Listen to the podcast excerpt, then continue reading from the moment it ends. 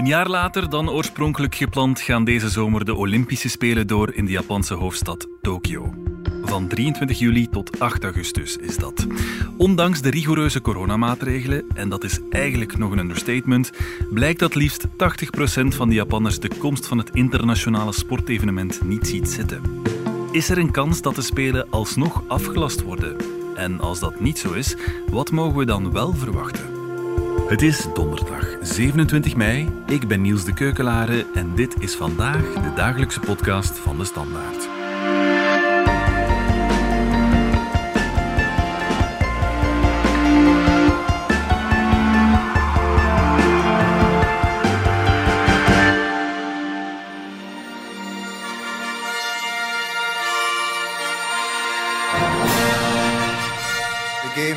32nd Olympiad in 2020 are awarded to the city of Tokyo. Eindredacteur Diebrecht de Smet, een van de vervenste sporters van de redactie. Je gaat erbij zijn deze zomer op de Spelen in Tokio. Zij het om uitvoerig verslag te brengen. Worden dit jouw eerste Spelen, Diebrecht? Uh, ja, klopt. Het wordt uh, de eerste keer dat ik naar de Olympische Spelen ga. Het is ja, een uitdaging hè, op meerdere vlakken. Ja. De Spelen zijn al een gigantisch evenement. Er gebeurt elke dag zoveel dat het bijna onmogelijk is om alles in het oog te houden. Mm -hmm. En nu komt COVID daar nog eens bij, wat een enorme invloed zal hebben op het verloop van de Spelen, maar ook op de manier waarop alles zal kunnen gebeuren, zowel voor atleten zelf als de entourage eromheen. Ja, de analyses voor de Spelen gaan doorgaans over de medaillekansen. Maar nu is de vraag vooral, kunnen de Spelen veilig doorgaan? Eén ding is alleszins zeker, zowel het Internationaal Olympisch Comité als Japan zelf, die doen er alles aan om het zo veilig mogelijk te laten verlopen. Mm -hmm. En eigenlijk het basisidee is om te werken met een soort van grote Olympische bubbel, die dan zal onderverdeeld worden in kleinere bubbels. Maar eigenlijk wordt er een soort wereld binnen Japan gecreëerd, die zoveel mogelijk afgescheiden wordt van ja, het leven in Japan eigenlijk. Mm -hmm. En daarvoor zijn een eerste maal draaiboeken opgesteld in februari van dit jaar, waarin een eerste beeld werd geschetst van wat er allemaal zou gebeuren. Die zijn in midden april nog eens geüpdate. Maar gezien het feit dat die coronacijfers nu toch weer de verkeerde kant aan het uitgaan zijn in Japan, komt er in juni nog eens een update. Ja. Waar pas definitief duidelijk gaat worden wat er wel en niet mogelijk zal zijn. Oké, okay, ja. Wat hebben ze dan concreet voorzien? Is dat gewoon heel veel testen ook? Of, of wat zijn daar de maatregelen? Wel, het begint eigenlijk voor de atleten zelf al 14 dagen voor de Spelen. Omdat ze dan al moeten aangeven via een app van de organisatie hoe het met hun gezondheid is gesteld. Ze moeten daar onder andere hun lichaamstemperatuur ingeven, zodat ze die eigenlijk vanuit Japan al kunnen monitoren. Mm -hmm. Het is ook verplicht om echt aan te geven met wie ze in Japan zelf in contact zullen staan. Dus wie hun begeleiders zijn, hun coaches, hun fysiotherapeuten, met wie dat ze eventueel op de kamer zullen liggen en zo. Mhm. Uiteraard komen er dan ook heel veel testen bij kijken. Voor ze naar Japan vertrekken moeten ze twee negatieve tests kunnen voorleggen. En dat van de laatste, de laatste 72 uur voor de afreis. Mhm. Het moment dat ze in de luchthaven toekomen, wordt er meteen ook een test afgenomen. Dat zal vermoedelijk een sneltest zijn. En dan vanaf dat moment is het de bedoeling dat de atleten eigenlijk dagelijks worden getest. Oké, okay, ja, ja. Maar daarbij zijn er eigenlijk nog heel wat vragen, want je moet rekenen, de atleten zelf, samen met een entourage, dat is al snel, dat gaat over 10.000 en meer mensen. Dus om die op dagelijkse basis te testen, dat is een gigantische logistieke operatie. Mm -hmm. Maar het is nog niet helemaal duidelijk waar dat, gaat gebeuren, hoe lang dat uh, zal duren. En atleten die op dat moment een topprestatie moeten leveren of zich daarop moeten voorbereiden, ja, die willen eigenlijk zo weinig mogelijk gestoord worden. En ja, het is een onzekerheid die meespeelt. Ja, er hebben al testwedstrijden plaatsgevonden in Tokio, zoals BMX en rugby. Maar een nulrisico heb je natuurlijk nooit.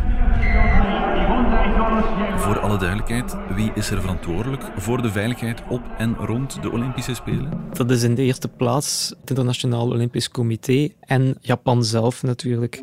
Ja, in ons land zijn de atleten die zich al geplaatst hebben gevaccineerd. Geldt dat voor alle deelnemende landen? Uh, nee, dat is nog niet zo. Maar het Internationaal Olympisch Comité probeert er wel voor te zorgen dat tegen de start van de Spelen de volledige Olympische bubbel de kans zal krijgen om gevaccineerd te zijn. Er is een akkoord afgesloten met Pfizer om de nodige vaccins beschikbaar te houden voor alle Olympiërs. Mhm. Op die manier proberen ze de kritiek te ondervangen dat ze eigenlijk op een onverantwoorde manier een mega-evenement laten doorgaan en zo de gezondheid van de Japanse bevolking in gevaar brengen.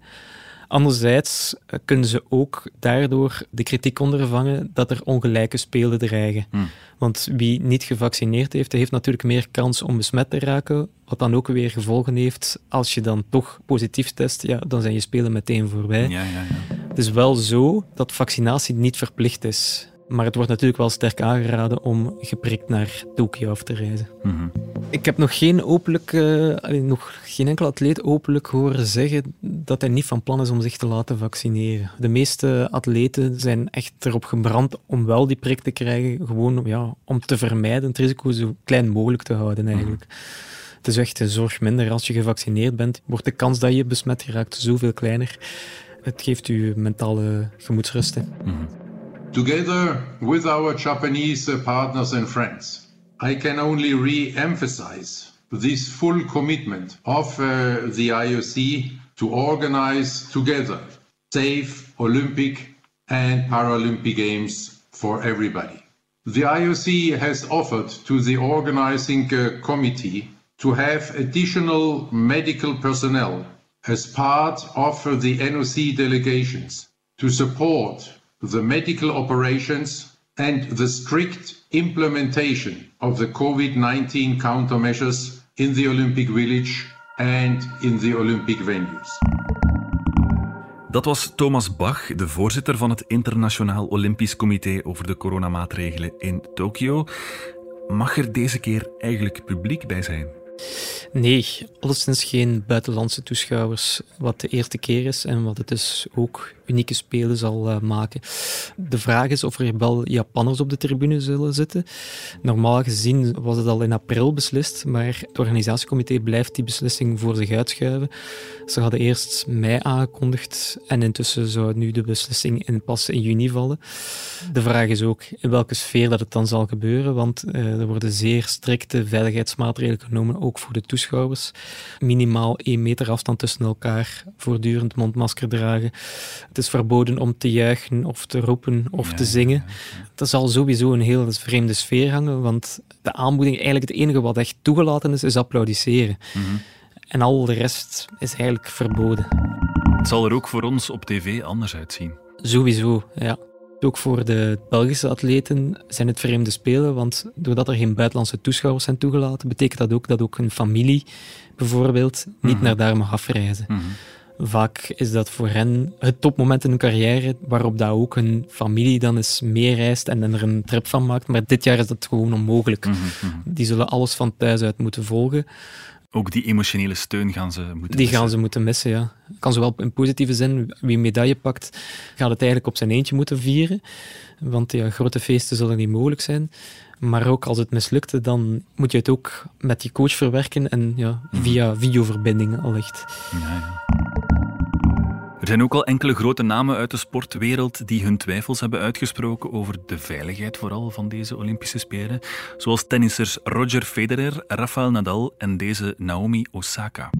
Um, yeah, for me, I feel like, of course, I would say I want the Olympics to happen because I'm an athlete and that's sort of what I've been waiting for my entire life. But I think that there's so much important stuff going on, and especially the past year.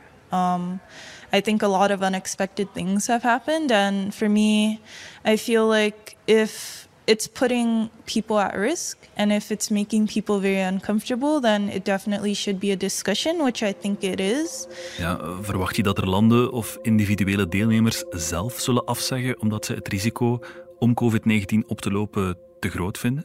Ik denk dat het best wel mogelijk is dat de individuele atleten zullen passen voor de Spelen. Volledige landen die afhaken, dat zie ik niet meteen gebeuren. Zeg nooit nooit natuurlijk. Iemand als Nadal bijvoorbeeld, het feit dat hij nu al zijn twijfels uit, dat wil wel wat zeggen. Mhm. Het zou wel kunnen dat sommige sporters het ook als excuus inroepen. Bijvoorbeeld in het golf is het al zo. De nummer 1 van de wereld bijvoorbeeld, die gaat sowieso niet naar Tokio. Maar die heeft dan eerlijk aangegeven van ja, want we hebben al zo'n drukke kalender, dus hey, de Spelen interesseren mij eigenlijk niet. Oké.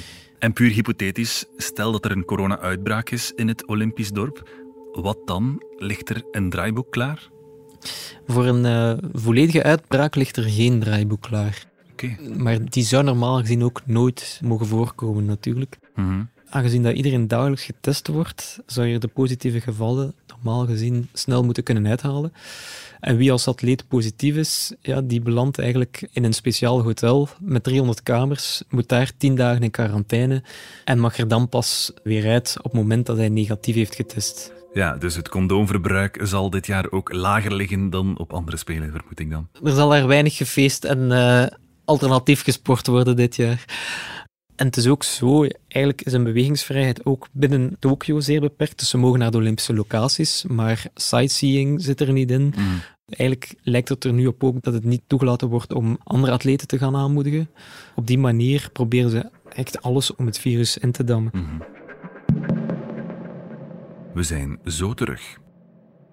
Bij het horen van kernenergie, denk je dan spontaan aan Tsjernobyl? Of Homer Simpson in zijn gele pak? In realiteit is het toch net wat ingewikkelder, want wat weten we nu eigenlijk echt af van nucleaire technologie?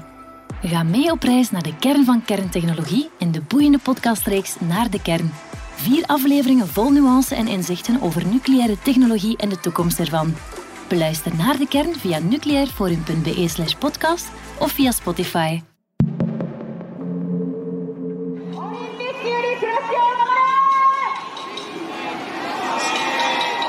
Je zei het al, de Japanners staan er klaarblijkelijk zelf niet voor te springen, zeker nu de besmettingscijfers er de verkeerde kant uitgaan. Maar liefst 80% wil dat de Spelen afgelast worden. Waarom is dat? Hebben zij vooral schrik? Ze hebben niet zozeer schrik van een grote corona-uitbraak. Ze hebben vooral schrik dat een zorgsysteem overbelast gaat geraken. Mm -hmm. Omdat de druk op de ziekenhuizen is daar al enorm hoog. Nu, het probleem is vooral in Japan dat, dat slechts 3% van de 125 miljoen inwoners daar gevaccineerd is. Okay, dus dat is weinig. Mm -hmm. Waardoor het risico dus nog altijd wel groot is dat als er daar een uitbraak komt, zeker nu met de Indiaanse variant, dat het daar snel zal gaan. Mm -hmm. Ja, die lage vaccinatiegraad is de reden waarom ook de Amerikaanse dokter Anthony Fauci, de medisch adviseur van het Witte Huis, met grote bezorgdheid kijkt naar de Spelen. Well, I mean, if you have such a low level of vaccination, of course there's a concern. That's up to the Japanese authorities what they're going to do in their country during the, the, uh, the Olympic season. So I would hope that more people get vaccinated because that low percent is really concerning. Wat ook wel belangrijk is bij die cijfers van 80%, is dat het op zich moeilijk in te schatten is hoe breed gedragen dat, dat protest is. Het gaat om enquêtes bij enkele duizenden Japanners, terwijl ja, Japan een miljoenenbevolking telt. Dus het is moeilijk om dat van hieruit in te schatten ja, hoe breed gedragen het is. Het is ook belangrijk om daar een onderscheid in te maken, want die 80% wordt samengenomen, maar het gaat hem om 40% dat eigenlijk voorstander is van een opnieuw uitstel en 40% dat ervoor gewonnen is om het toekoer af te lassen. Mm -hmm. Anderzijds is het wel zo dat je niet kunt ontkennen dat er alsmaar meer tegenstemmen opgaan. Mm -hmm. Er is onlangs ook bijvoorbeeld een petitie ingediend die in enkele dagen tijd 350.000 handtekeningen heeft verzameld tegen de Spelen Dat was drie, vier maanden geleden nog ondenkbaar. Mm -hmm. Seiko Hashimoto, hoofd van Tokio 2021, heeft de anti-spelen-petitie waar je het net over had ook moeten herkennen. Hè? We are working on creating a bubble, calculating the limiting of movement, not adding stress to local medical institutions, and listening to expert opinions and adjusting accordingly. 調整していきたいというふうに思っております。 Zal dat iets uithalen, denk je, die petitie of die protesten die we nu ook zien op straat? Ik acht de kansen heel klein. Mm -hmm. Kunnen de Spelen eigenlijk nog afgelast worden? Wel, um, er staat één belangrijk zinnetje in het contract tussen het IOC en uh, de gaststad Tokio. Namelijk dat het IOC de Spelen kan annuleren, niet de gaststad. Dus het hangt eigenlijk allemaal af van het uh, Olympisch Comité. En het IOC kan die Spelen maar annuleren als de veiligheid van de deelnemers serieus in gedrang is of wordt bedreigd om welke reden dan ook. -hmm. En net door die draaiboeken die ze maken, beweren Thomas Bach en het IOC dat eigenlijk de veiligheid niet in het gedrang is. De veiligheid van de lokale bewoners ja, daarover wordt met geen woord gerept in dat contract. Dus of ze zouden toegeven aan de druk vanuit Japan, dat is nog maar de vraag. Hmm. Ja, er is ook heel veel geld mee gemoeid natuurlijk. Hè? Uh, ja, dat klopt. En dat is ook een van de belangrijkste redenen natuurlijk. De Spelen van Tokio waren sowieso al de duurste. Kostenplaatje was daarvoor al opgelopen tot 13 miljard euro voor de Spelen vorig jaar waren afgelast. Door het uitstel komt daar sowieso nog eens 2,5 miljard bij. En volgens studiebureaus, of overheidsrapporten beter, uh, Japanse overheidsrapporten, was het zo dat eigenlijk de eigenlijke kosten veel hoger lagen dan die 13 miljard. Want in die 13 miljard zaten niet de infrastructuurwerken die waren uitgevoerd. Hm. Uh, dus straten, wegen, luchthavenhotels. Enfin, je kunt het uh, niet, bedenken. Het zou dan al eerder richting 18, 19, 20 miljard gaan zelfs. Mhm. De beslissing om buitenlandse toeschouwers te weren zal alleszins leiden tot een enorme financiële kater. Mhm. Volgens een professor van de Kansas University gaat het zelfs bij spelen achter volledig gesloten deuren tot 19 miljard euro aan gederfde inkomsten. Okay. Dat is een gigantisch bedrag. Maar je moet natuurlijk rekenen, uh, geen vluchten, geen hotelkamers die geboekt worden, geen uh, toeristische bezoeken, geen consumptie enzovoort. Dus de klap zal inderdaad gigantisch zijn, zelfs als de stadions nog deels gevuld raken met Japanse toeschouwers. De financiële kant die is net wel de angel voor het IOC, uh, want dat haalt uh, meer dan 75% van zijn inkomsten uit televisierechten en sponsoring. Ja, ja. Als de spelen niet doorgaan, dan zien ze ook niets van die televisierechten. En dat heeft ook uh, gevolgen voor de nationale Olympische comité's, want een deel van dat geld vloeit naar hen door. Hm. Dus zij hebben er ook alle belang bij dat die spelen toch plaatsvinden. Mm -hmm. Plus, een uit- of afstel zou ook politieke gevolgen hebben. Hè? Ja, premier Suga die heeft zich echt sterk gemaakt dat hij de Spelen zou laten plaatsvinden. En hij zei nog letterlijk in maart van ze moeten het bewijs worden dat de coronavirus is overwonnen. Hij heeft er eigenlijk ook een beetje zijn strijdpunt van gemaakt. Als ze nu toch nog zouden afgelast worden, zou dat voor hem in de eerste plaats echt wel gezichtsverlies betekenen. Mhm. Bovendien speelde ook mee dat eigenlijk de Spelen voor Japan symbolisch erg belangrijk zijn. Het is eigenlijk het moment om aan de wereld te tonen dat het land er weer staat na die kernramp in Fukushima en de tsunami toen. Een aspect wat onderbelicht is gebleven, maar wat dat ook een rol speelt, is het feit dat China in 2022 de winterspelen uh, organiseert. Ja, okay, ja. En als nu de spelen, zomerspelen in Japan niet doorgaan, dan wordt China eigenlijk het eerste land dat het eerste grote post-corona-evenement zal Mhm, organiseren. En dat zou toch wel uh, ja, steken in Tokio. Mhm. One thing is clear. The post-coronavirus world will need sport and its values. The important role of sport in society is acknowledged in the meantime by the international community. From the United Nations to the World Health Organization, the EU, and many more. Numerous studies confirm the contribution of sport to promote physical and mental health, education, social inclusion, gender equality, and many more. Kijk je er eigenlijk zelf naar uit, Diebrecht? Want voor de pers wordt het ook niet zo gemakkelijk werken, denk ik. Hè? Uh, nee, maar het zullen sowieso spelen zijn om nooit te vergeten. Dus het is ergens wel een uitdaging en een prikkelend idee, om, omdat je, wat het ook wordt, het zal once in a lifetime zijn. Mm. Net zoals voor de atleten komt het eigenlijk bij ons erop neer dat het allemaal rond testen, testen, testen draait en Ja. heel veel administratie invullen, aangeven waar je naartoe gaat, je lichaamstemperatuur die constant wordt gemeten, ja, en je bewegingsvrijheid die gewoon compleet beperkt wordt Mhm. eigenlijk. Hè. Ja, ja. Het is namelijk zo dat ook de pers één meter afstand moet houden tussen elkaar. En tegenover journalisten zelfs twee meter afstand. Wat tot in de mixzones ook tot vreemde situaties zal leiden. De perschef van het Belgische wielrennen had al gezegd van ik kan me voorstellen dat een renner na de wedstrijd wel drie of vier keer zijn verhaal zal doen. Maar geen veertien keer. En Mhm. dat is uiteraard zo. Maar het dreigt daardoor wel heel lang te duren. Dat gaat het misschien ook wel heel moeilijk maken om te werken, omdat je bijvoorbeeld een dag voordien moet aangeven naar welke evenementen je zou willen gaan. Nu, in de poelenfases is dat nog vrij makkelijk. Je weet bijvoorbeeld wanneer de Red Lions hun wedstrijden spelen. Mhm. Maar het is nu nogal moeilijk om in te schatten van ja, hoe ver gaan ze geraken. Ja, ja. Je zult pas na die groepsfase kunnen aangeven van kijk, ik wil bijvoorbeeld naar de kwartfinale van de Red Lions in het hockey. En dan weet je de dag voordien, s'avonds, of je daar effectief naartoe kunt of niet. ja, ja, ja. Mogelijk is dat niet zo. En moet je bijvoorbeeld naar het kogelstoten of het baanwielrennen gaan kijken. Wat op zich ook heel Wat op zich ook heel interessant natuurlijk. is. Maar ja, het zal niet evident zijn om, eh, om te plannen. Mhm. Ja, het zal er trouwens ook bijzonder heet zijn in die periode. Zowel sportief gezien als organisatorisch lijkt me dat ook wel een uitdaging. Ja, dat is het probleem dat eigenlijk zo wat ondergesneeuwd is geraakt door eh, corona.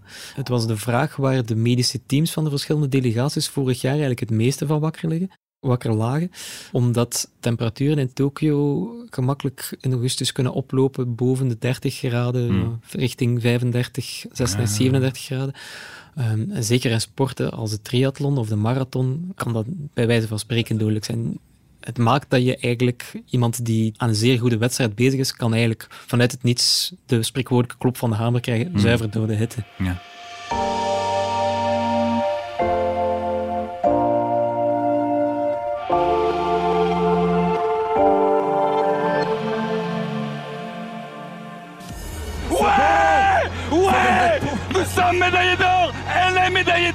Incroyable 6810 points, nouveau record de Belgique pour Nafissa Toutiam. Hoe gaan onze Belgen presteren in die hitte, denk je? Hoe ziet jouw pronostiek eruit? Pronosticeren is altijd gevaarlijk, maar er zijn wel ehm, enkele grote medaillekanshebbers. Ja, iedereen denkt natuurlijk in de eerste plaats aan Nafitiam en Nina Derwaal, maar ook aan de hockeyploeg. En daarnaast zijn er ook heel veel outsiders die in een goede dag wel kansen hebben om ook een medaille te nemen. Ik denk bijvoorbeeld aan eh, Emma Plasgaard in het zeilen. Alhoewel die zichzelf niet op dezelfde hoogte plaatst als eh Evie van Akker. Matthias Kasse in het judo. Jorre Verstraeten misschien zelfs. Chawata Shaap in de taekwondo. Was eigenlijk een, een verwachte medaillekanshebber in Rio, maar miste die. En die kan nu in Tokio een revanche nemen. Eh, in het wielrennen heb je natuurlijk eh, Wout van Aert en Remco Evenepoel, die zowel in de wegrit als in de tijdrit eigenlijk een mannetje moeten kunnen staan. En ja, dan heb je bijvoorbeeld ook nog de jumpingploeg, waarbij we drie ruiters hebben die momenteel in de top 20 van de wereldranglijst staan. Mhm, mhm. Dus ja, daar zijn er ook altijd mogelijkheden. Ja, ja. Waar kijk je zelf het meest naar uit? Wel, ik, ik verwacht dat een van de nummers waar dat internationaal met het meeste interesse zal naar worden uitgekeken, het uh, polstokspringen bij de mannen zal zijn. Feit is ook, het zijn de eerste spelen zonder Usain Bolt en zonder Michael Phelps. Er is dus eigenlijk geen echte overkoepelende figuur die zo alle disciplines overstijgt. Maar misschien wordt dat nu wel iemand als Armando Duplantis, dus Armando Duplantis. Dat is een uh, Zweedse polstokspringer. Ja, en die, ja, die lijkt gemaakt om, om te vliegen. Hè. Dus hij, hij sluit zelf zijn Twitter-posts af op die manier. Born to fly. En als je zijn resultaten ziet, ja, dan is dat uh, zo. You know, I definitely want to be the, the highest jumper that there's ever been, for sure. En verder een duel waar we hier in Vlaanderen met veel belangstelling zullen naar uitkijken, is dat tussen uh, Mathieu van der Poel en Tom Pidcock in het mountainbiken. Dat meteen al de maandag na het eerste weekend. We zullen er vroeg voor moeten opstaan. We gaan er vroeg voor moeten opstaan en we kijken er naar uit. Diebrecht de Smet, dankjewel. Graag gedaan. Dit was vandaag de dagelijkse podcast van de Standaard. Bedankt voor het luisteren. Reageren kan via podcast.standaard.be. Alle credits vind je op standaard.be-podcast. Morgen zijn we er opnieuw.